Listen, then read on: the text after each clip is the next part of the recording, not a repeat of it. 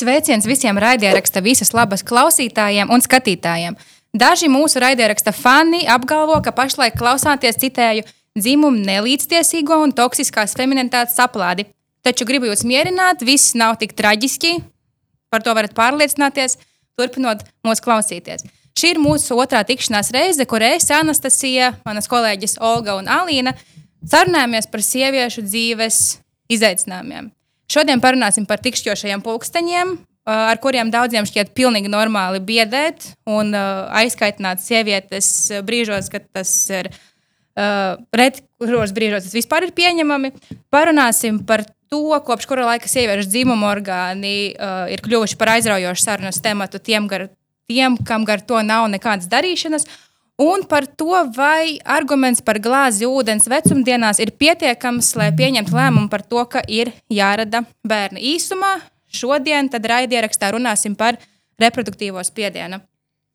Tā, pacelsim rokas, kura no jums ir piedzīvojusi stāstus par to, ka jums ir jāizdomā atbildes uz jautājumiem, kad būs bērni. Es drīkstu sākt ar nelieliem paziņojumiem, bet neko, kas saistās ar raidījuma tēmu. nē, tas nē. Es uh, gribu paldies pateikt, tu saki par to, cik mēs esam toksiskas ievadā. Un es gribu pateikt uh, lielu paldies visiem, kas pateica arī savus viedokļus, gan labus, gan sliktus. Tiešām atsaucība, gan gatavojot arī šo raidījumu. Un epizode bija laba un forša. Un mēs tiešām ļoti, ļoti priecīgi par to, ka mēs varam dzirdēt viedokli arī kopumā par mūsu pirmo izmēģinājumu. Ņemsim vērā, runāsim arī par tām tēmām, kas izskanēja priekšlikumos. Un tagad varam iet, vai Olgai ir kāds paziņojums. Nē, tiešām es biju mazliet pārsteigta par to, cik daudz dalījās savā pieredzē par, par reproduktīvo spiedienu, un, un, un gan vīrieši, gan sievietes. Un, jā, tas tiešām bija interesanti, un es domāju, ka mēs drīzāk nevarēsim minēt visus, visus stāstus, bet, bet mēģināsim. Bet kopumā mēs ļoti, ļoti novērtējam, Jā, sakam lielu paldies un gaidām um, priekšlikumus, komentārus un vērtējumus arī turpmāk.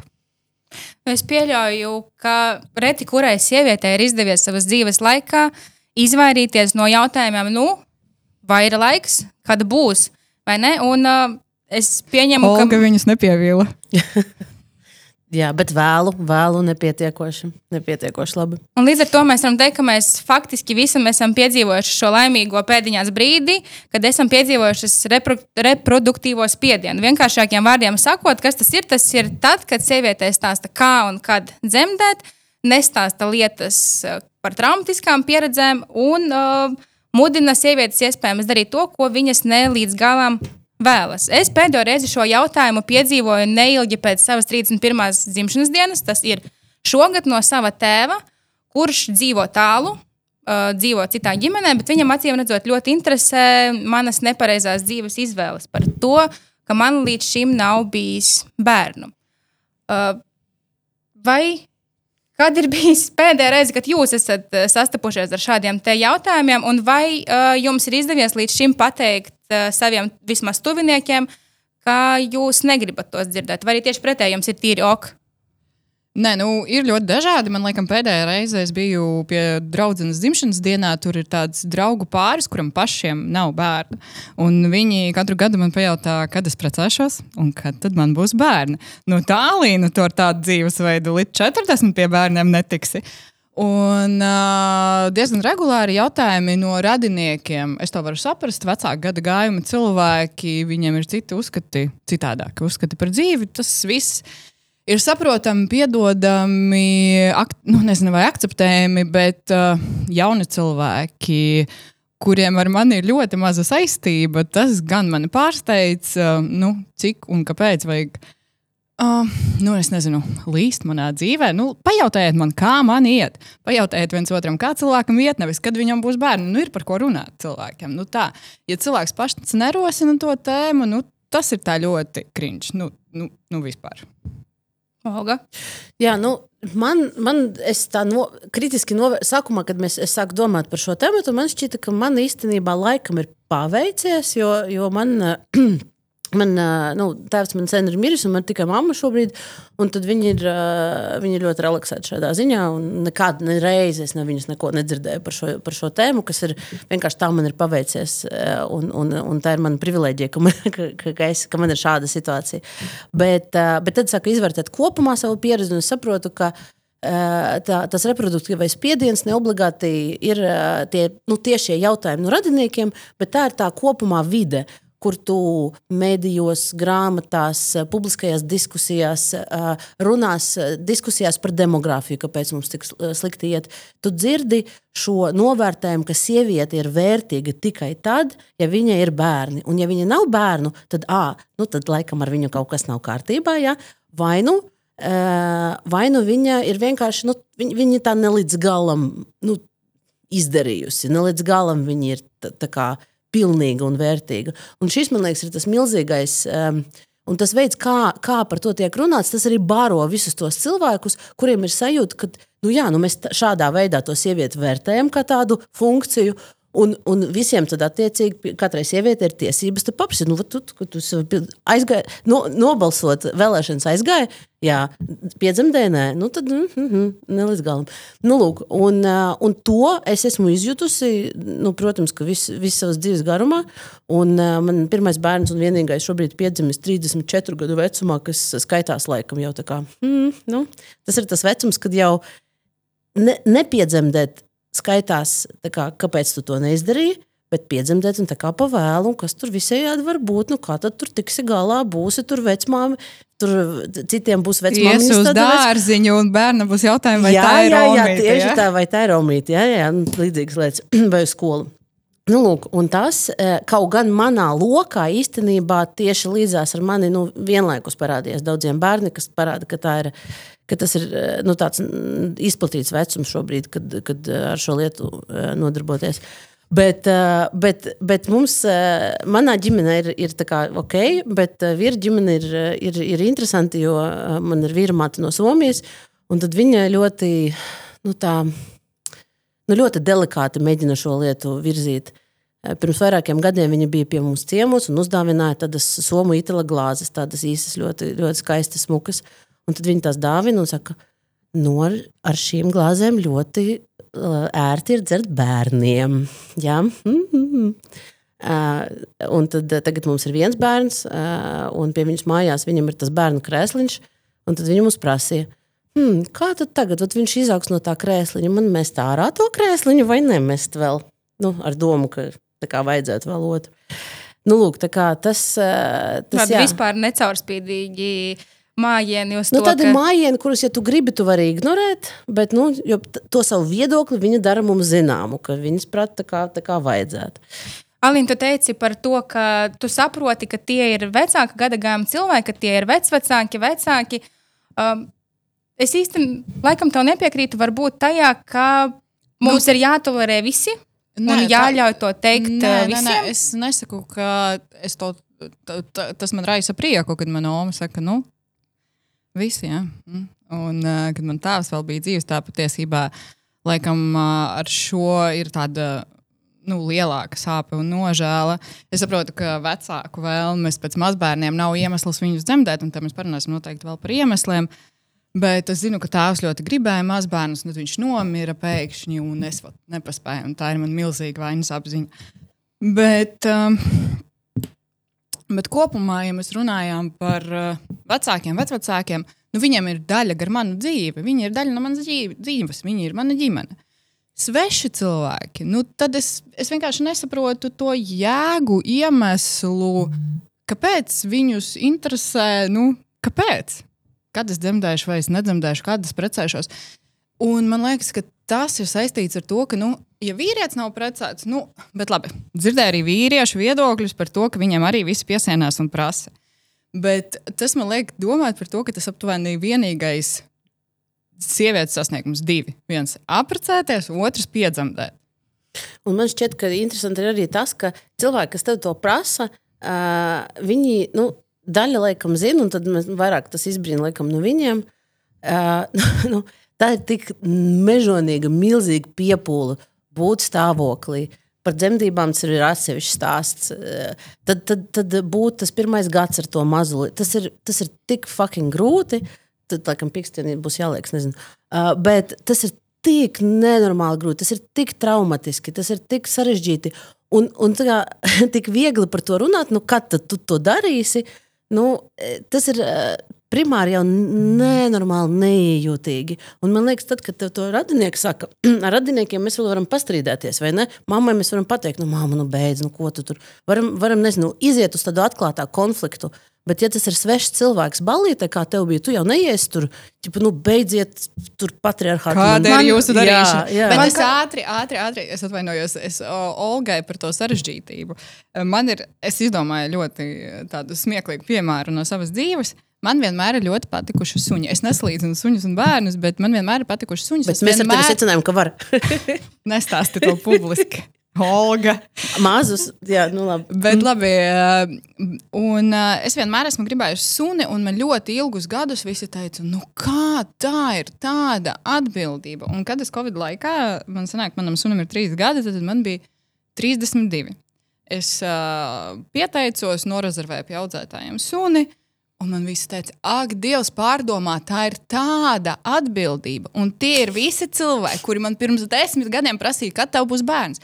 Es atvainojos, nu, suns mums pie mums tiek uzskatīts par sarežģītāku, kaut ko lielāku atbildību nekā bērns, jo tiešām tās reakcijas ir diezgan smieklīgas. Tie paši cilvēki pirms eh, daudziem gadiem man teica, laiks dzemdēt. Es neticu, ka bērns paņem mazāk laika nekā suns. Nu, tas ir absurds. Un es neticu, ka tā ir mazāka atbildība. Nu, man, tas arī ir absurds, bet tas ir tik smieklīgi, kā mums sabiedrībā nu, tiek, uh, nu, tiek skatīts uz šīm lietām. Tu runā par to, ka cilvēki uzskata suni par lielāku atbildību, bet, teiksim, mums ir tautas attaudzes uh, problemātikai paredzēts dokuments. Un tur mēģināts ir tā kā no valsts uh, skatu punkta paskatīties uz to, kāpēc cilvēki nedzemdē. Un, uh, tur tiek norādīts, ka nu, lūk, ir dažādi iemesli. Tas visbiežāk ir komplekss uh, faktoru kopums. Bet, uh, un, un vienlaikus, manuprāt, ļoti interesants uh, vārdu savienojums, savirknējums tur ir izmantots, ka, lai arī tas ir ļoti individuāls lēmums, cilvēkiem ir jāapzinās visas sekas, kas būs, ja viņi nepieņems lēmumu dzemdēt bērnu. Par to, ka bērni rada sekas, uh, vairs netiek runāts tajā dokumentā. Man tā kā kādam, es esmu kādas monarhijas vadītājam, kādam kronas mantojums ir jāatdod. Kas ir tās sekas, es atvainojos? Nē, nu, skaidrs, Nepiepildīta dzīve un sievietes misijas nepiepildījums. sekas ko daudzi- sabiedrībai vai pašam? Pašam, À, pašam. pašam nepiepildītas lēmumus sajūta, kā apgalvo ļoti daudzi tie, kas uh, Jā. izdara spiedienu uz sievietēm, kurām nav bērnu. Es man tikko radās tāda doma, ka, ka iespējams no, nu, tas piezīmes no tiem cilvēkiem, kam bērni jau ir.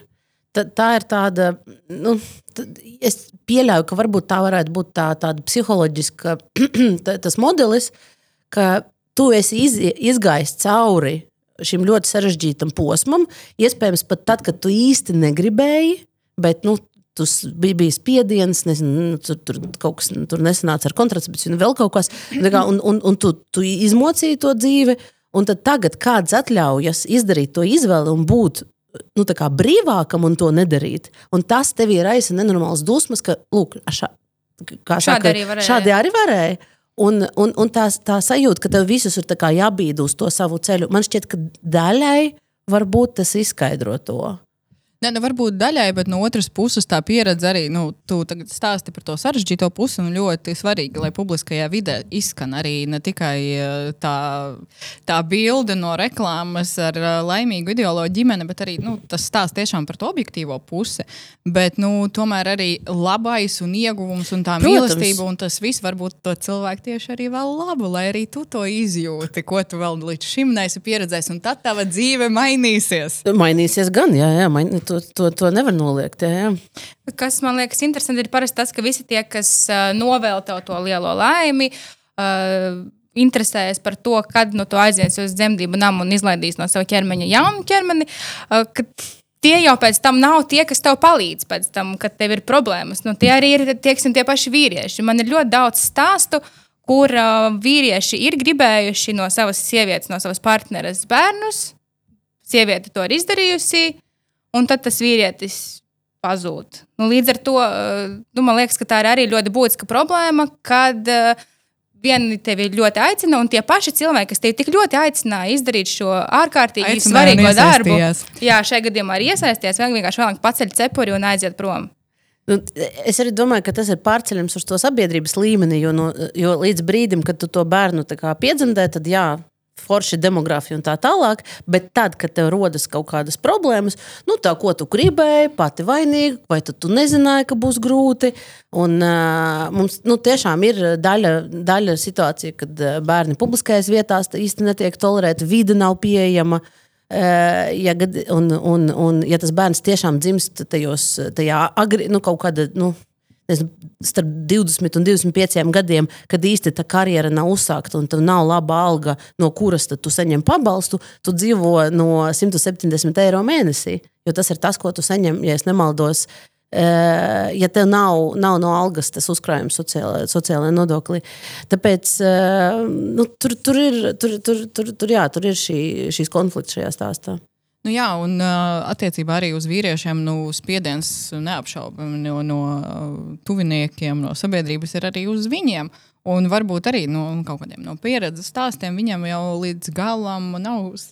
Izklausās stulbi, bet varbūt viņam līdz galam nav skaidrs, kā viņš iesaistās. Nu, kas tas būs, cik tas gal, pra, prasīs gadus, laika, i- iesaistes un viss pārējā. Un ir, nu, mēs nevaram noliegt, ir gadījumi, tu nesareiķini savus spēkus. Nu, tā gadās. Vienkārši tas, ka sabiedrība to ļoti, ļoti augstu tolerē, tas, ka mums nemaksā ļoti liela, ne- nevis ļoti liela daļa, bet daudzi vīrieši nemaksā uzturlīdzekļus pēc tam dzīves biedriem. Nu, tas arī ir aktuāls jautājums par to, nu, kā mēs uh, to risinām, kā mēs Man liekas, iesaistamies. Tas, ko tu saki, ka cilvēki līdz galam nesarēķina, man liekas, tas jau ir labi, ka viņi mēģina sarēķināt savus spēkus. Absurdi man liekas, tad, kad uh, ir diskusijas starp cilvēkiem par to, nu, ka vajag tos bērnus vai nevajag. Un tad uh, viens no argumentiem ir pamēģini. Tad tu sapratīsi, cik tas ir labi. Un man tas liekas vienkārši tik šausmīgi bezatbildīgi par to, ka, nu, ko nozīmē radīt jaunu cilvēku, sabiedrības locekli ar tādu, nu, pamēģināšu. Ja nesanāks, nu, kas būs tad, ja nesanāks? Jā, es tev piekrītu, bet vienlaikus es gribu arī pateikt, ka tur ir eh, varbūt tas, tas, eh, tas pamēģina ir tāds neiecietīgs veids, kā šo domu izpaust, bet eh, sava daļa patiesības tur ir. Jo nu, tā simtprocentīgi sagatavoties, visu izrēķināt, eh, es ticu, man es mēģināju visu saplānot, un tas vienkārši nav iespējams. Tur vienmēr ir tik daudz mainīgo, un arī finansiāli, protams, var, var padomāt par to, okay, kurā brīdī kāda alga būs un tad, cik ilgi tur un eh, bērnu kopšanas atvaļinājums un kaut ko. Eh, Šādas lietas izplānot ir labi, bet tā īsti nu, um, pārliecināties, kā tas būs. Tur, tur tiešām tas nav iespējams. Tur ir šis pamēģinājuma aspekts. Jo tu jau arī nekad nezini, piedod, es, es no draudzeņa pieredzēm. Uh, tu nekad jau nezini arī, kāds ir tas bērns, cik viņš ir mierīgs, cik viņš tu, tu ar viņu vari kaut kur Precīzi, doties. Uh, Jā. Veselība arī, cik slimos vai mazāk Jā. slimos. Un visi tie argumenti, kas arī nenormāli ietekmē to ikdienu un to, cik tev daudz spēka un laika tam ir jāvelta. Un cik daudz vari pagulēt. Vai tas, jā, un, un, un ir arī ārēji apstākļi, jo, piemēram, kad es biju stāvoklī, es biju domājis, ah, es iedomājos, es dzīvoju Rīgas centrā, un tā es smūgies, iešu pie draugiem, ņemšu viņu tur slingā vai ratos, un mēs iesim tur kafejnīcām, un es ņemšu viņu visur līdzi. Un īstenībā tas bērns bija diezgan mierīgs, tas būtu teorētiski bijis iespējams, bet bija Covid. Un tad mēs riņķojām ap māju vienkārši ar tiem ratiem visu, visu to pirmo gadu.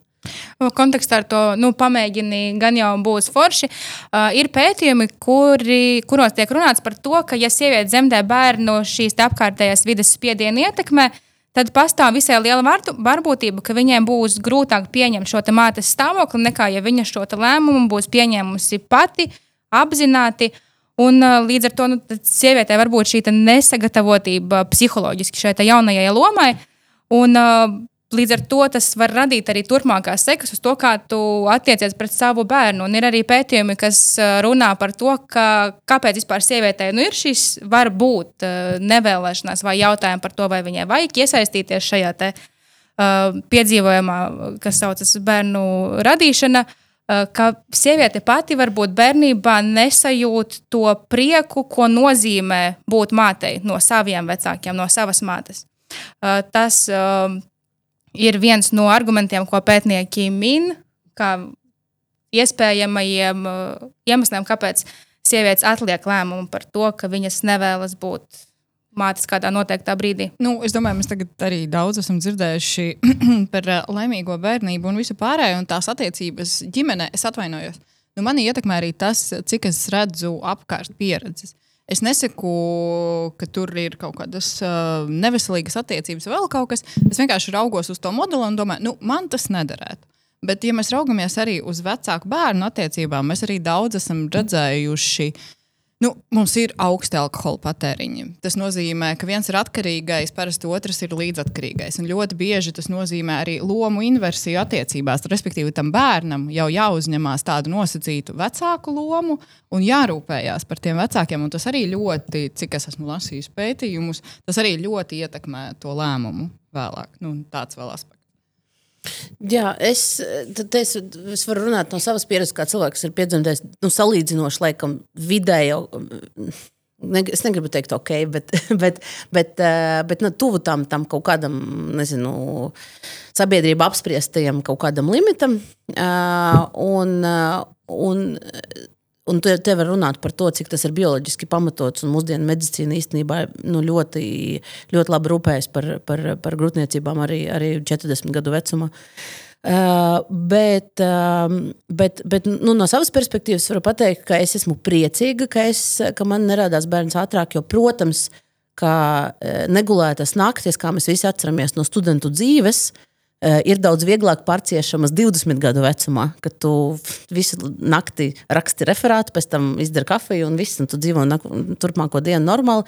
Man Tur... patīk tavs uh, piemērs par to, par negulētajām naktīm. Studi studiju laikā nevis ballītēm, bet par referātiem. bet arī ballītēm, labi, nu būsim, jā. Bet, bet uh, turpretī tagad nu ir skaidrs, uh, man ir 37 un, un jā, negulēta nakts ir viss izsvītrota viss par nedēļu no dzīves. Nu, lūk, un zīdaini, protams, ir aprūpēt vieglāk tad, kad tu esi, nu, tāds nu, jaunāks, tavs ķermenis ir, ir tāds stiprāks. Bet no otras puses, man piedzima bērns tad, kad uh, Daudz jau tiek runāts par, par piesaistes teorijām, par, bērnu, par vecāku emocionālu izglītošanos, par, par visādām pieņemšanām. Un, un es gāju vecāku izglītības programmu, kas bija tajā brīdī bezmaksas pieejama. Un es ticu no visas sirds, ka māte no manis tagad ir nezinu, tūkstošs reizes labāka, un mana bērna psihe būs daudz stabilāka nekā, ja viņš man piedzimtu pirms desmit gadiem, kad es vispār knapi sapratu, kur telpā es atrodos un kur ir mana ielikās mana psihe kāda ir un kā, kā, kas es esmu vispār. Tā kā, eh, es nezinu, vai mums ir vajadzīgi tie bērni kvantumā, vai mēs tomēr domājam par to, kādi viņi būs pieaugušie un cik laimīgu dzīvi viņi dzīvos un cik sabiedrībā viņi būs nu, pilnvērtīgi nu, tie, tie, tie pilsoņi, ja mēs runājam no tās eh, pilsoniskās perspektīvas.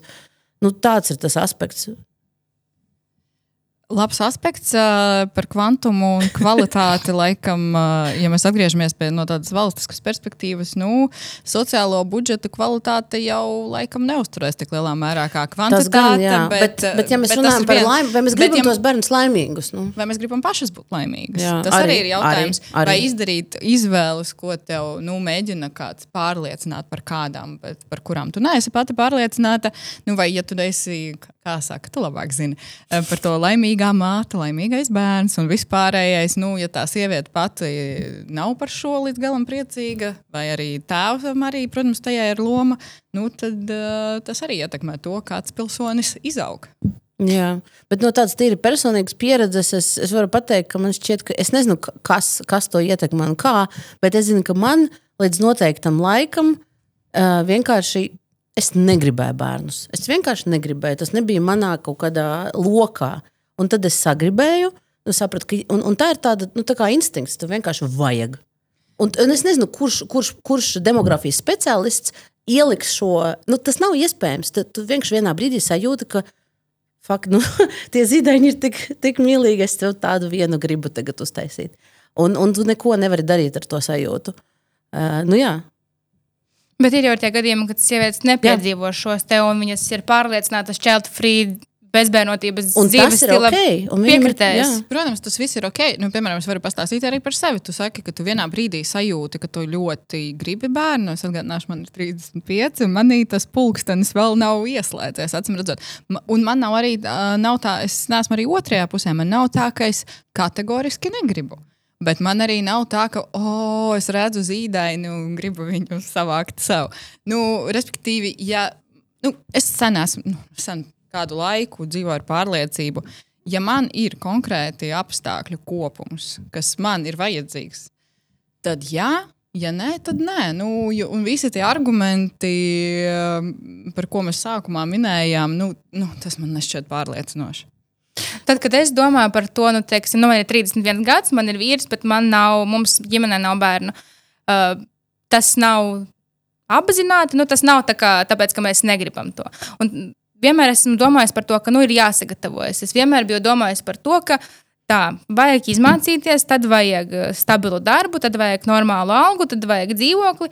Un šķietami tas jau viss ir izdarīts, bet es joprojām īsti nesaprotu, vai tagad ir tas brīdis. Tas jau tu teici, ka tu nekad īsti nevari sagatavoties. Bet vienlaikus, kas man ir, piemēram, no manas perspektīvas, ir svarīgi, nu, kas notiks pēc tam ar mani kā ar personību. Jo es zinu, daudzas mātes, kas sevi atdod bērnam, un viņu dzīve ieplūst bērnu dzīvē. Un es šobrīd neesmu pārliecināta, ka es gribētu savu dzīvi vadīt tā, jo mēs, nu, es nevaru šobrīd paredzēt, ka man tas izvadīsies kaut kā citādāk. Un iespējams, es varētu būt tā māte, kas arī pilnīgi atdod sevi bērnam.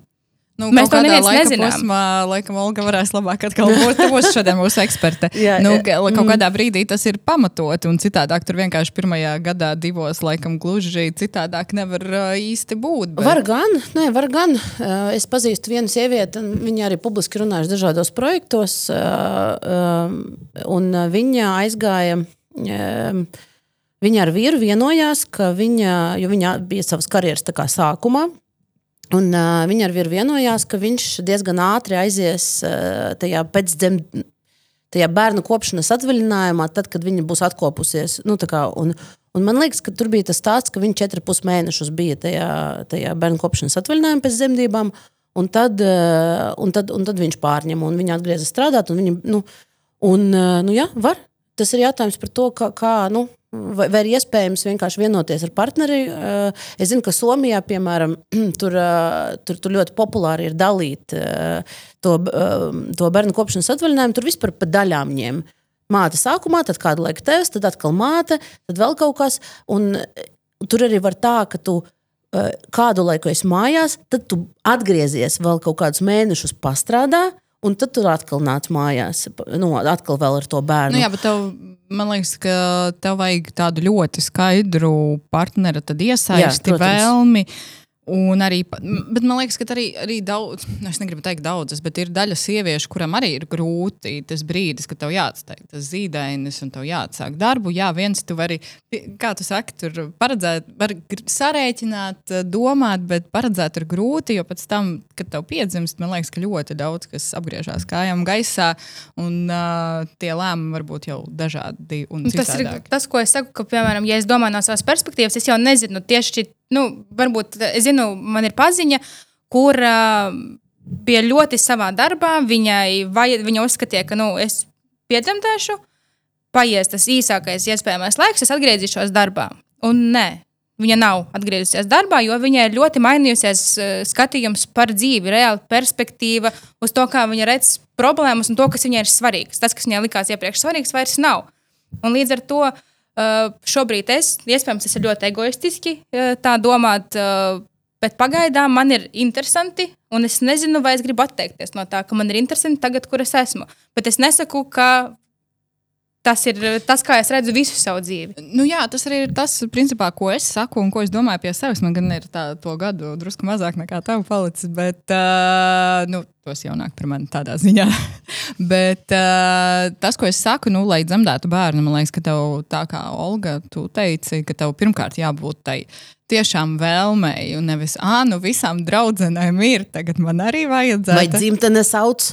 Nu, labi. Uh, un, nu, kaut kāda tāda apsvēruma man liekas, ne, nešķiet uh, līdz galam pamatoti. Un otrs, es saku, katram ir savi kaut kādi argumenti. Tas, ko jūs pieminējāt par partneri. Nu, es neesmu precēta, bet nu, es tagad uh, jūs uzzināsiet par mani, ka esmu ļoti konservatīva. Ja es dzemdētu bērnu, es gribētu viņu dzemdēt tikai laulībā un tādā laulībā, kas man patīk, nu, kas atbilst manam priekšstatam par to, kas ir foršas attiecības. Man daudzi vienmēr arī, pievēršās tēmai ne tikai par bērniem, bet arī par to, ka esmu neprecēta, man bieži saka, ah, nu, tu jau gribi kaut kādu ideālo scenāriju. Nē, es negribu ideālo, es gribu tādu, kas man dara un kas man, nu, kas man liekas forši. Jo kāpēc lai es dzīvoju kaut kā citādāk, nekā es gribu? Tas man liekas vienmēr ļoti pārsteidzoši tajos argumentos.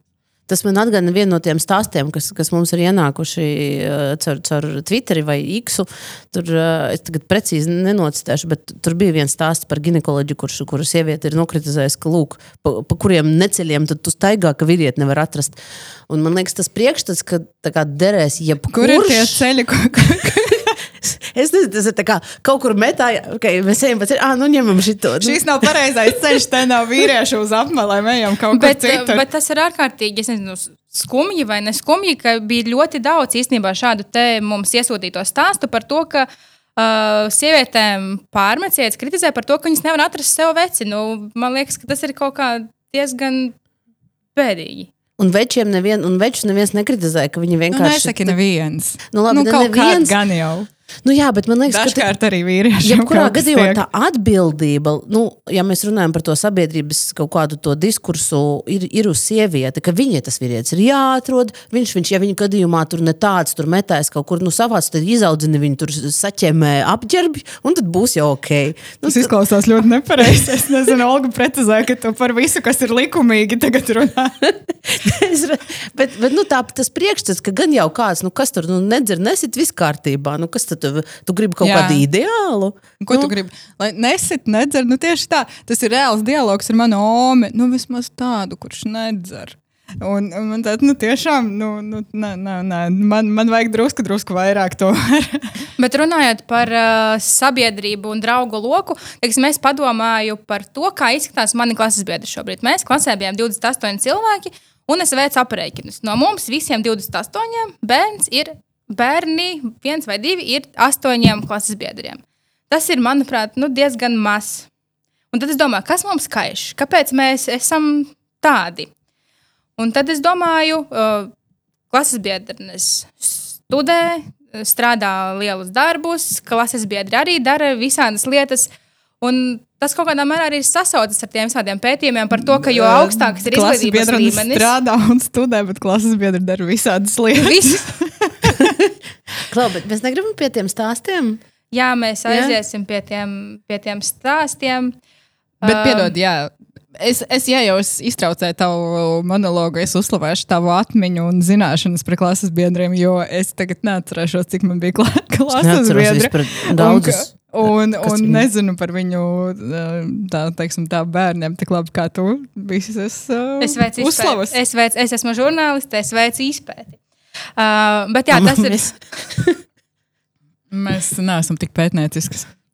Nu jā, tas, eh, ru- runājot par sabiedrības spiedienu un to, to grupu, kas mums ir apkārt, mums ir bijis arī vairāki stāsti, kas ir iesūtīti tieši saistībā ar sabiedrības spiedienu.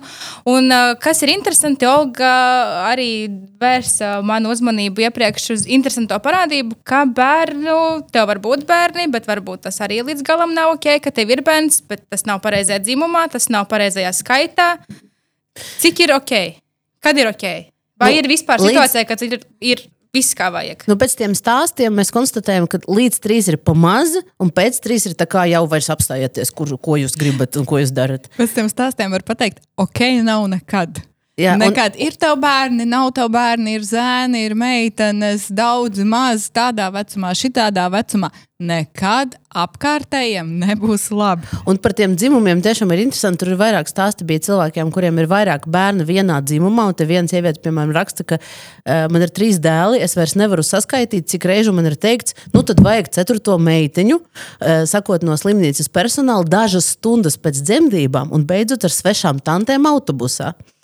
Uh, nu, kā, un, un, un tur, ir, tur ir arī stāsti par, tri, par vairākām meitām, kad tad vajag dēlu, kas sievietē obligāti gribēsies meitiņu, un uh, vīrietim obligāti vajag, lai ir dēls, un tā tālāk. Un tas ir diezgan interesanti, ka nu, tas, tas, tas apkārtējo uzskats, ka viņiem ir nu, kāda, eh, ka viņu viedoklis par tavu dzīvi ir nenormāli svarīgs, iet tik dziļi, ka Man vēl patika, ka tur bija vienā no atbildēm par to, ka, nu, vajag meitiņu, kas palīdzēs mammai virtuvē. Tas arī, man liekas, tās priekšstats par lomām bērns piedzimst. Lai meita piedzimst, tagad mēs skaidri zinām, lai palīdzētu mammai virtuvē. daudz lai Bet- skaldītu malku, laikam, es nezinu. Nu, Daudzus bērnus, acīm redzot, cilvēki rada, lai viņiem atnestu to sasodīto glāzi ūdens mūža No beigās. Kas virtuves. man arī liekas ārkārtīgi interesants koncepts, ka tu dzemdē bērnu, lai tev, ir, lai tev pēc tam pa lielam ir apkope. Apkopējis, kopējis. Ā, Kāpēc es pieminēju par to glāzi ūdens, un, ā, nu, kas manā ieskatā ir diezgan ā, egoistisks skatījums uz bērniem, kad nu, mēs redzam bērnus, lai mums kāds vecumdienās palīdz.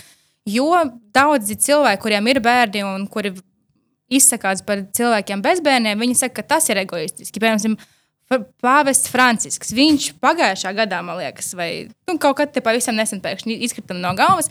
Viņš teica, ka izvēle nedzemdēt bērnus ir egoistiska. Tas ir milzīgas baznīcas galva, kas izsaka šādas domas. Bet, uh, Nu, es nezinu, man, man grūti. Es negribu aizvainot nevienu reliģiskas jūtas, bet man liekas, ka katoļu baznīcā tas ir diezgan interesanti, jo nu, tu- tur tāda visa garīdzība ir. Gari, kā ir pareizi? Ga, garīdzniecība. garīdzniecība. Uh, nu, ka viņi nedrīkst piedalīties šajā procesā. un tad tā kā, Nu, tā. Viņi piedalās citos procesos. Anastasija, tu to pateici ārpus mikrofona, bet mēs tāpat dzirdējām. Nav laba, nav laba replika. Mums pārmet, e, nevis mums pārmeta, bet tajās daudzās atsauksmēs bija par to, ka mēs pārāk daudz atvainojamies. Es domāju, ka šis ir brīdis šajā, šajā Jāatvainojas. kad ir jāatvainojas. Piedošanu. Bet labi, labi, e, vēl par tiem stāstiem. Uh, par stāstiem, uh, ka, jūs, kad mēs runājām par to, ka nav labi ne par skaitu, ne par dzimumu, ne vēl par kaut ko. Man liekas, ļoti satraucoši. Man ir izstāstīts stāsts, kad ir sieviete un vīrietis, un viņi dzemdē, rada kopā bērnus. Un vīrietim ir noteikti skatījums par to, nu, ka viņš grib mantinieku, viņš grib dēlu. Un, Es un viņam, viņš viņam ir karaļvalsts. Viņam ir karaļvalsts. Nu, Viņš visticam, nu, karalis, visticamāk, tas ir plāns par to, ka vīrietim vajag uzbūvēt māju, iestādīt koku un piedzemdēt, uh, radīt dēlu. Nu, lūk, un man ir zināms stāsts, kur ir, ir pāris, un viņi rada pēcnācējus, un kā nesanāk tas dēls, tā arī nesanāk. Nu, reāli, četras meitas, un neviena no skaidrs no vienām no meitām nav dēls. Un tam līdzi, un tāpēc vēl bojājas. un tā-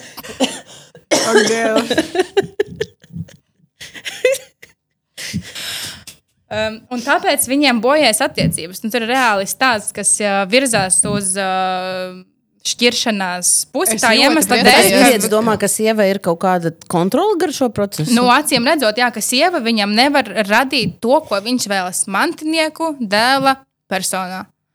Bet es vēlreiz, es vēlreiz visiem tiem, kuri grib atstāt to milzīgo mantojumu, man ir vēlreiz jautājums, ko tas cilvēks, atvainojos, mantos no jums. Nu, nu, nu, tas ir absurdi. Es, sap, es nesaprotu, bet mēs varam atcerēties, un vēlreiz visiem, nav, kuram ir šādas domas, nu, pārskatiet tās viduslaiku dokumentālās filmas par tām sievietēm, kurām lika, nu, mēģināja piespiest piedzemdēt nu, karaļvalsts mantinieku. Nu, ja nesanāk, tad nesanāk. Tas nav lāsts, tas nav sievietes vaina, tā nav kaut kāda tā baigi kontrolējums process. Nu, tas taču ir skaidrs, un tas ir apbrīnojami.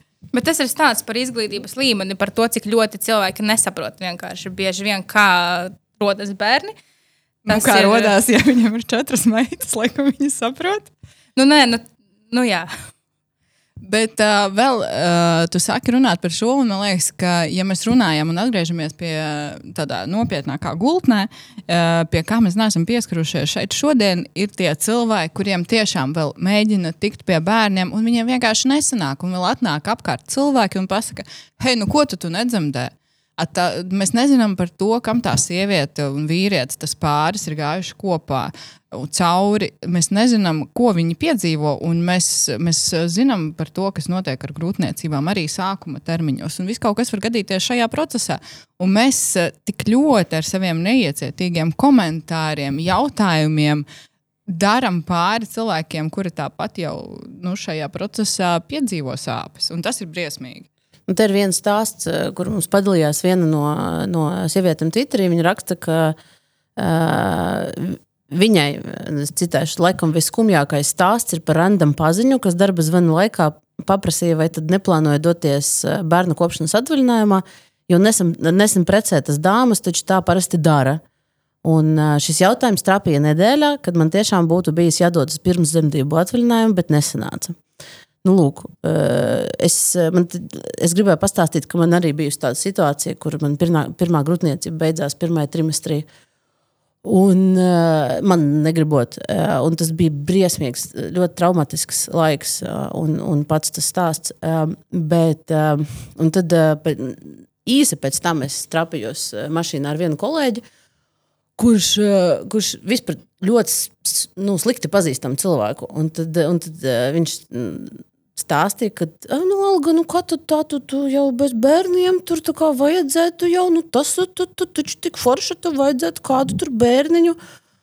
Nu, jā, nu, liek teikt, ka tas bija ļoti sāpīgi. Un, un uh, tas cilvēks, jo es tiešām gribēju, un es tiešām mēģināju, un man tik ļoti sāpēja tas zaudējums. Uh, Jo tu izjūti to, ka tu zaudēji kādu, ka tu zaudēji bērnu, kaut gan tas bija tiešām nu, tāds nu, ļoti, ļoti nu, agrā attīstības posmā. Un tad, Un, un, nu jā, un tu, tu jau neesi visu to stāstīt, jo, jo, jo to stāstīt, sanāk, ka tu attaisnojies. Ka, bet, jā, nu, es tomēr gribēju, bet, nu, tā kā ne. ne. Nu, labi, tev arī man ļoti žēl un, par tavu pieredzi un tiešām ļoti žēl par šo situāciju. Uh, Vispirms, bet eh, tev nav jāpastāsta visai pie, pasaulē, jāpiekarina sev kaut kur zīmē. Jā, jā, jā. Es cenšos, es mēģinu, un, ziniet, man tieši ir pieredze, vai man jo tā nav, jo tā nav, nav viņu darīšana. Jā, tieši tā. Un, un, eh, bet bet tā, tas jocīgums šajā situācijā ir, ka uh, tas tiek, tas tiek normalizētas šīs piezīmes, ka, ja tu gadījumā asi reaģē, tad tu esi tas jocīgais. Pateikt viņam, ka nu, loks nelien manās, manās darīšanās, uh, pati zina, kā dzīvot, arī nu, tu būsi tas problemātiskais cilvēks. Ah, nu te jau Olga neko vairs nevar pateikt. Tas taču bija joks tikai. Man liekas, tas ir stāsts par to, ka cilvēki nejūt atbildību par to, par saviem cilvēki jautājumiem. Robežas. Mm. Ne robežas, ne atbildību. Jo, nu, un tad viņi attaisnojas. Bet tas ir tikai mans jautājums. Es jau gribēju tikai kā labāk, bet nu, mums arī ir stāsts, kas ir iesūtīts, ka nolasīšu. Ar sievu bijām precējušies, vīrietis sūta mums šo stāstu jau vairākus gadus, un gan man, gan sievai vairāk kārt tika norādīts, ka ir laiks bērnam. Te netieši diezgan atklāti, bet bāza š, to mums acīs no visām pusēm. Visam pa vidu bija neliels stāsts ar pārtrauktu grūtniecību, jo auglim nebija sirdspūksta. Visu šo laiku pavadīja arī tas, ka neizdevās mākslīgā apaugļošana, inseminācija un tā tālāk. Lai gan visas analīzes un pārējie miljonus atzinumi neko sliktu nevienam no mums neatrada. Un viss beidzās ar to, ka uh, viņš pateica vecākiem, ka ja vēlreiz viņam vai sievai norādīs šo problēmu, ka izšķirsies un vispār nekā viņam vairs nebūs. Un uh, šo, šobrīd gan viņš norāda, ka viss ir super, un pēc astoņu gadu kopdzīves uh, viņi gaida, ierodamies pasaulē, viņu pirmdzimto. Un, kas būtiski, viņš norāda arī, ka neap, neapskauž cilvēkus un nenovēl nevienam pat ļaunākajam ienaidniekam šos pārbaudījumus, ko iziet cilvēki, kuriem nesanāk un kuriem bāž visu laiku to sejā. Līdz ar to, nu, domājot par to, kad mēs atveram savas mutes un runājot par, par lietām, mums tomēr ir jāņem vērā cilvēku pieredze. Jo ir gadījumi, kad tas reāli ir sāpīgi. Ir kuriozas situācijas, bet eh, ir, ir eh, traumē, traumatiskas pieredzes. Un ir, starp citu, lasīju interesantu pētījumu par to, ka. Um, kā rodas sievietēm, tostarp depresija. Un pētījumi liecina, ka uh, lielāks risks depresijai par to, ka tev varbūt nav bērnu, ir nevis tas fakts pats, ka tev nav bērna, bet tas, ka tevi visu laiku prešuro. Tieši šis sociālais spiediens ir tas, kas rada tev mentālās problēmas, mentālās veselības problēmas. Nevis pats fakts, ka tev iespējams esi uh, neauglīga vai kāda citādi, kādu citu iemeslu dēļ tev nav šī bērna. Un tas man liekas uh, ļoti skumji. Tas, nu. ko šī sabiedrības spiediens nodara sievietei. Gan, gan tas spiediens, gan tas vērtējums, tas, ko pieminēja Olga pašā sākumā, nu, ka gan jau kaut kas ar tevi nav labi. Uh, labi, tu vismaz esi laulībā, tu vēl tāda, nu, pa pusē ok. Teiksim tā. Par mani man ļoti patīk arī manas nu, draudzenes, ik pa laikam par kaut kādu cilvēku runāt. Oi, nu viņam jau 30, ne ģimenes, ne bērnu, kaut kas nav labi. Es saku, come on. Nu, es esmu arī tā, man drusku vairāk. Un viss, ah, nē, bet tu jau esi ok. Nu, zini, tās pieredzes. Un, nu, un es esmu pārliecināta, ka cilvēks nu, nekādā veidā nedomā neko sliktu. Vienkārši mēs ļoti bieži runājam, nedomājot kaut kādas lietas. Un es neteiktu, ka man tas aizskar. Tas vienkārši nu, ik pa laikam visur. Un, ja tev tas ir trigger point, kaut kāds punkts, kas tevi satrauc, par ko tu pārdzīvo, un nemitīgi atrodoties, man liekas, jebkurā sabiedrībā, tev nu, gribot, negribot, to nāksies dzirdēt ļoti bieži. Un, eh, nu, es domāju, ka kopumā mums jābūt daudz uh, saudzīgākiem vienam pret otram un tiešām uh, parunājam ar cilvēkiem, pajautājam viņam lietas, pajautājam, kā viņam iet, kā viņš jūtas. Ja viņš gribēs stāstīt, negribēs nestāstīt, nestāstīs un liksim mierā cilvēku dzīves izvēles, kamēr tas ir legāls. Nu. Tieši tā nevaru nepievienoties tam, ka mēs vienkārši varētu likt mierā cilvēkus un uh, viņu privātās darīšanas un privātos jautājumus. Um, kamēr es gatavojos šim raidījumam, lasīju dažādu informāciju, uzdonos uh, sava kursa biedra blogam, kurš ļoti atklāti stāsta par uh, savu un savas sievas pieredzi, kā viņam neizdodas tikt pie bērna. Un, uh, es to nezināju. un nu, skaidrs, nu, nedalās cilvēki, nu, tā kā neiznāk ka tur visu priekšā un nestāsta, bet tas bloks arī ir ļoti, nu, es to lasīju, man šī problēma pašlaik nav aktuāla, taču, nu, tad, kad tev labi pastāsta šo stāstu, tu saproti, ar ko tie cilvēki saskaras, un iespējams, lai arī cik tas nebūtu grūti, varbūt ir jārunā šie stāsti, lai nestigmatizētu šos cilvēkus bez bērniem, ka tas nav nezinu, nederīguma zīmoks, ka, tas, ka, ka, ar mum, ka ar cilvēkiem viss ok, tas, ko es teicu pirmā raidījumā, ka ar mums viss ir kārtībā ar vai bez bērniem. Un nedrīkst džudžot cilvēkus tikai par to, ka viņam izdevās kaut ko piedzemdēt vai neizdevās. Vai Mums grib ir- viņa vai negrib? Jā, nu, Arī. teiksim, ar, tad, kad bija Covid laiks, un tad, kad dalījos 500 eiro pabalstu cilvēkiem, nu, atcerieties, visticamāk, tos komentārus, kas bija, vai ne, kad uh, cilvēki no nelabvēlīgiem apstākļiem tos 500 eiro nodzēra vai kā citādi nolaida azartspēlēs, nevis deva to saviem bērniem. Nu, vai mēs varam teikt, ka cilvēks bez bērna ir sliktāks sabiedrības loceklis nekā tie, kuriem ir, ir bērni? Nu, mēs vispār nevaram ne par vienu teikt, kamēr es saku, kamēr uh, likumi ietvaros lietas. Nu, nu, nu, Tu es, pie- tu pie- es, piebil, pie, pie, es gribu pateikt, ka mēs varam darīt, ko mēs gribam, kas mūs dara laimīgus. Jo vairāk mana pārliecība, ļoti dziļa pārliecība ir, jo vairāk laimīgu cilvēku, jo mazāk problēmu pasaulē. Nu, jebkurā gadījumā, jebkurā plaknē, darba vietā, kolektīvā, draudzībā, attiecībās, jebkur, kamēr tu pats esi drusku sūdīgi par sevi jūties, kamēr tu domā visādus arī muļķības, tad tu ej un piekasies citiem un piečakarējies. Un kāpēc tev nav bērnu, un kāpēc tev ir mati tādā krāsā, un kāpēc tu dari to, un kāpēc tu ģērbies šitā. Ja tu esi laimīgs, tu tā nedari. Un līdz ar to par to mums jau arī jāatcerās. Kāpēc mēs uh, vispār nu, kaut kādas lietas darām? Un, un uh, tas, ko tu saki, nu, beidzam uh, nu, nu, izteikt tos vērtējumus par citiem, paviršus, nepamatotus. Nu, viss, nu. Un mēs nevaram teikt, ka kāds ir labāks, kāds ir sliktāks. Tā ir viņa izvēle. Ja viņam tā ir labi, lūdzu, viss. Tu pieskaries jautājumam par tik, tik ilgi, cik tas ir likumiski. Uh, varbūt drusku provokatīvs jautājums, bet Alīna, vai tu uzskati, ka tev trūkst patriotisma, ja tu neradi valstī pilsoņus? Un es arī uzdevu šo, šo jautājumu, un līdz uh, sakrīgi atbildē, ko es gribētu pateikt, ēterēs visticamāk nenonācu. Nē, nu, uh, kaut kā. Labi, vai man trūks patriotisma? Es nedomāju, tas tā strādā. Vēlreiz, ja mēs runājam par kvalitāti vai mēs runājam par kvantitāti.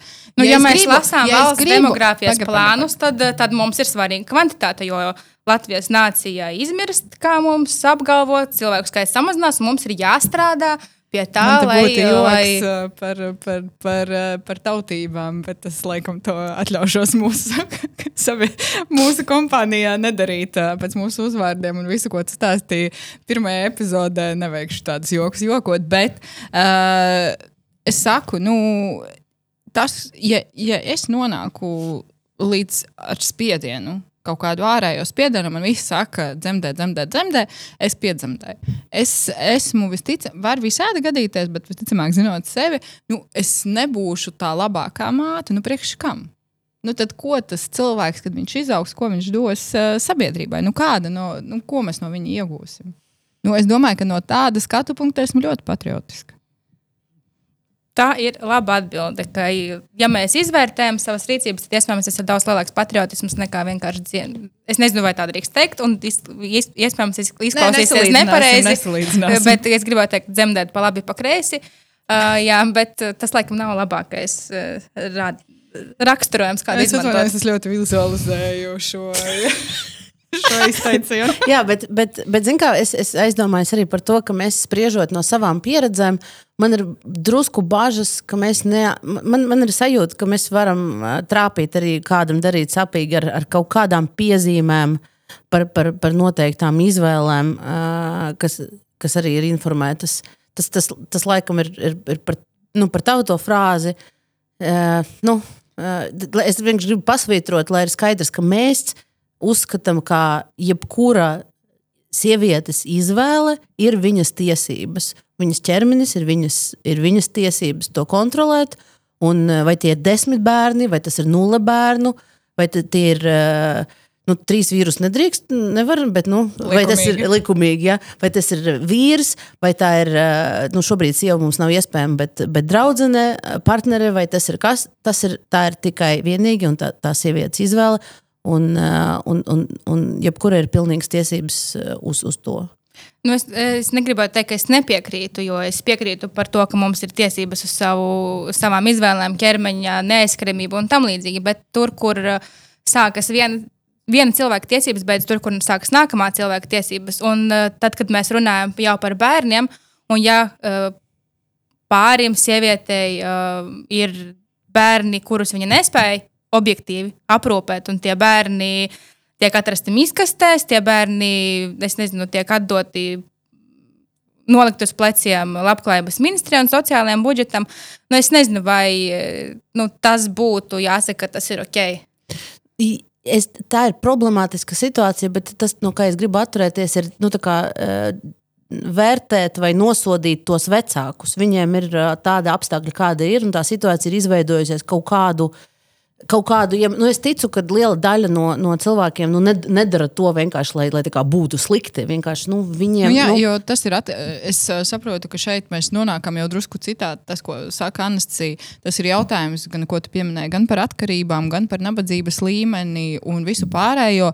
Un tur mēs zinām, ka tā nav. Tas nav tāpēc, ka cilvēks konkrētais ir. Tāpēc, ka viņš ir slikts. Nē, tur arī ir ļoti daudz apstākļu, un arī sabiedrība un atbalsta sistēmas, un viņš vispārējais, kāpēc cilvēks var nonākt šādā situācijā un no tās nevar izkļūt arī. Tas ir skaidrs, un es domāju, ka mēs šodien plašāk par to noteikti mm. nerunāsim. Mēs saprotam to problēmu, mēs tiešām uh, akceptējam visas tiesības darīt cilvēkiem, kā viņi paši izvēlās darīt, jo tas ir viņu ķermenis un viņu izvēles un vispārējais. Un es domāju, ka mums, mēs visas savas pozīcijas paudām skaidri un um, ir īsti par to. Jā, es tikai piebilstu to, ka jā, mēs visi esam brīvi darīt tik, cik likumā ir atļauts. Tikai un vienīgais tas ir jautājums visticamāk par info, informētām, izglītotām izvēlēm. Un, ja ir situācija, tad nu, ja arī visticamāk valstī, sabiedrībai nu, būtu kaut kā jāveicina tas, ka cilvēki to pieņem informētu lēmumu par Jā, bērniem protams, arī un par tam izglītības līmenis, lietām. veselības mācība vēlreiz un visi Jā, jā. pārējie jautājumi, bet tas ir tāds. veselības mācības mums nav. Jā, nu, un, nu, tiešām, un seksuāla reproduktīva veselība, tas ir atkal atsevišķs temats, par ko. Par kuru mēs Nu, tu tagad pateiksi, par kuru mēs runāsim raidījumā. Tu runāsi raidījumā savā, bet, uh, bet, bet tas būs jau pēc. à, mēs publicēsim jā. vēlāk. Jā. Jā. Jā. Bet mēs jau laikam napaļojamies, vai ne? Jā, Vai- mēs uh, apaļosimies, ja es sekoju pulkstenim. Es tikai gribēju vēl pievērst uzmanību jautājumam par uh, spiedienu, kas jau ir drusku iziet laikam, no visādām, jebkādām normāl, normālības robežām. Man ir stāsts, ko man atstāstīja arī uh, paziņa. Uh, viņa ir precēta, bet viņa ir pārliecināta par to, ka viņa nevēlas bērnus. Nekad nav vēlējusies, un viņa izjūt ārkārtīgi lielu spiedienu gan no saviem, gan no vīra vecākiem. Pat no tādiem rada, radiniekiem, kuriem pašiem nav bērnu, bet viņi prešuro tādu šo sievieti, lai viņa dzemdē.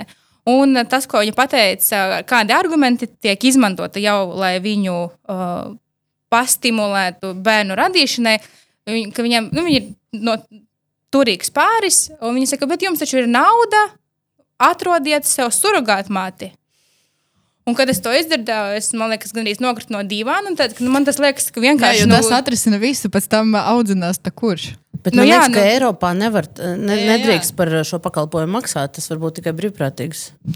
Nu, visticamāk, jā, nu, es neesmu ļoti iedziļinājies jautājumā, kā, kā to izdarīt, jo man tas nav aktuāli. Jā. Bet, bet arguments, nu, nu bet vismaz ar surrogātu māti.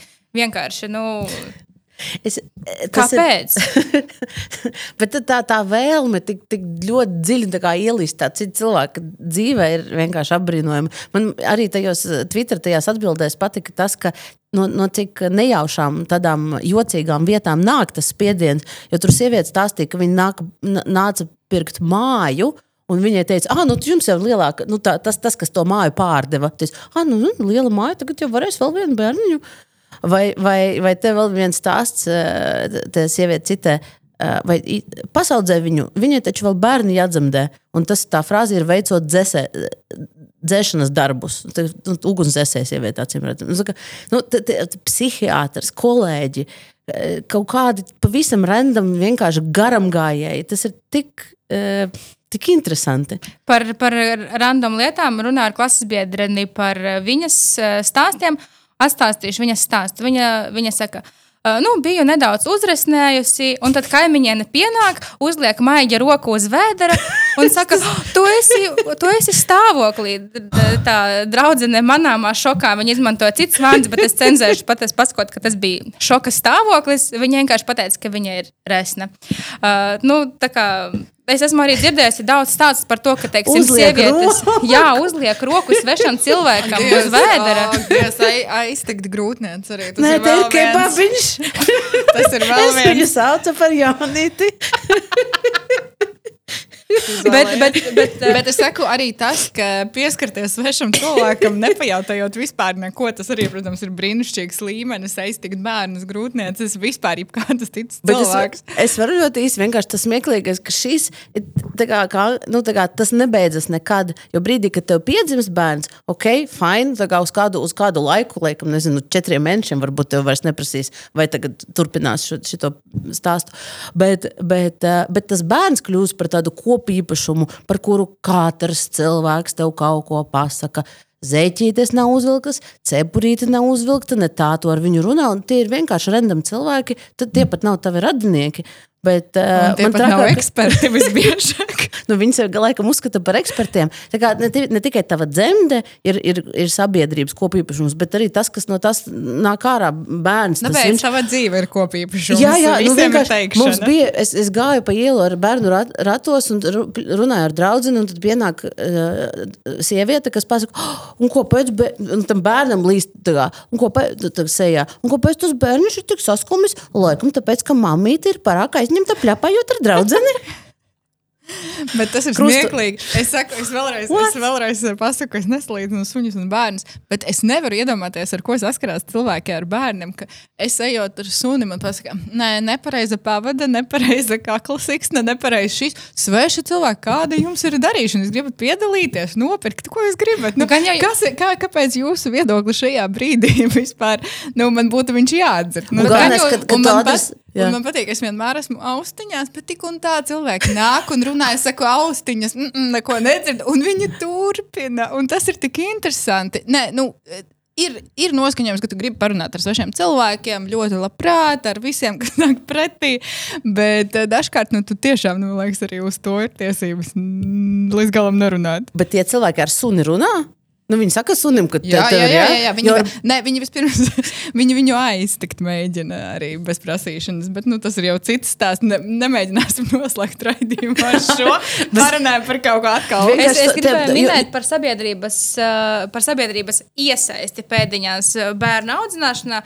Un uh, reproduktīvajā veselībā, teiksim, jūs gan jau esat dzirdējuši par stāstu, ka, teiksim, sieviete pīpē, piemēram, šitā te pieturā, viņai pienāk klāta sieviete un saka, ka sievietēm stāvoklī nedrīkst pīpēt, un izrādās, ka arī viņai vienkārši ir liekie kilogrami. Bet tas ir jautājums par uh, sabiedrības iesaisti. Mēs parasti runājam par to, ka mums ļoti gribam, lai cilvēki ir uh, līdzesīgi iesaistās problēmu risināšanā. Bet vai šis ir tas jautājums, kur mēs gribam, lai sabiedrība ir līdz iesaistīga problēmu atklāšanā un risināšanā? Nu, tad, kad tev to vajag, jo tad, kad tu mēģini izkļūt no transporta ar ratiem, un tur, un, un, un tur ir tā nu, liela šķirba starp, starp, uh, starp transportu un to uh, apmali, vai, vai, vai, vai visi stāv tajā vietā, kur, kur ratiem ir jāstāv tro, trolēbusā, vai nezinu, tev kaut kas nokrīt uz zemes, un, un nezinu, vēl kaut kas, nu, kas tik negadās tur, tur tā loģistikā ikdienas ar bērniem. Tad tiešām gribās, lai kāds iesaistās. Vai, uh, nu jā. Bet pēc tam, kā palūdz palīdzību, vai lai cilvēki paši. paši... Es gribētu, lai paši, jo man šķiet, tu, nu, dažreiz tas situācijas ir tādas, ka tu nekad nu, īsti nezini, vai var prasīt, vai nevar prasīt. Un, ja kāds pajautā, tas uzreiz roda, rada tādu drošas, pieņēmošas vidas sajūtu. Tu vienkārši sajūties labi, ka tu neesi viens ar to visu. Vai eh, es nezinu, esmu pamanījis, ka, piemēram, Latvija atšķirībā no daudzām citām valstīm bērniem nesmaida, un sievietēm ar bērniem nesmaida. Eh, Un tas attiecies ar ārzemniekiem, vienalga no Vācijas, no Indijas, no nezinu, Somijas, vēl kaut kur uzmaida.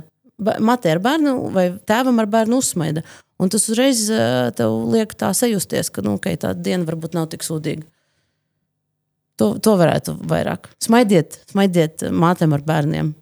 Un vispār arī kopumā esiet laimīgi un priecīgi.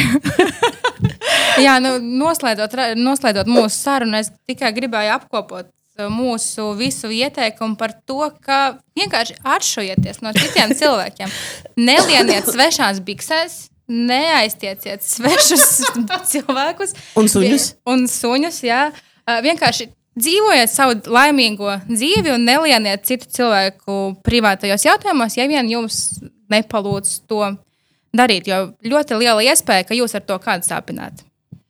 Un, Amen. Uh, un noslēgumā tad es piebildīšu, ka šī bija otra visas labas epizode. Tiksimies vēl pēc divām nedēļām nākamajā. Un gribu atgādināt, ka sievietes vieta ir tieši tur, kur viņa pati vēlas būt. Paldies! Paldies! Paldies! Tas ir vajadzēja. Es nezinu, es arī man likās, ka mēs pagājušajā pateikt paldies. Nē, es gaidīju kaut kādu zīmi no Patrika. Paldies!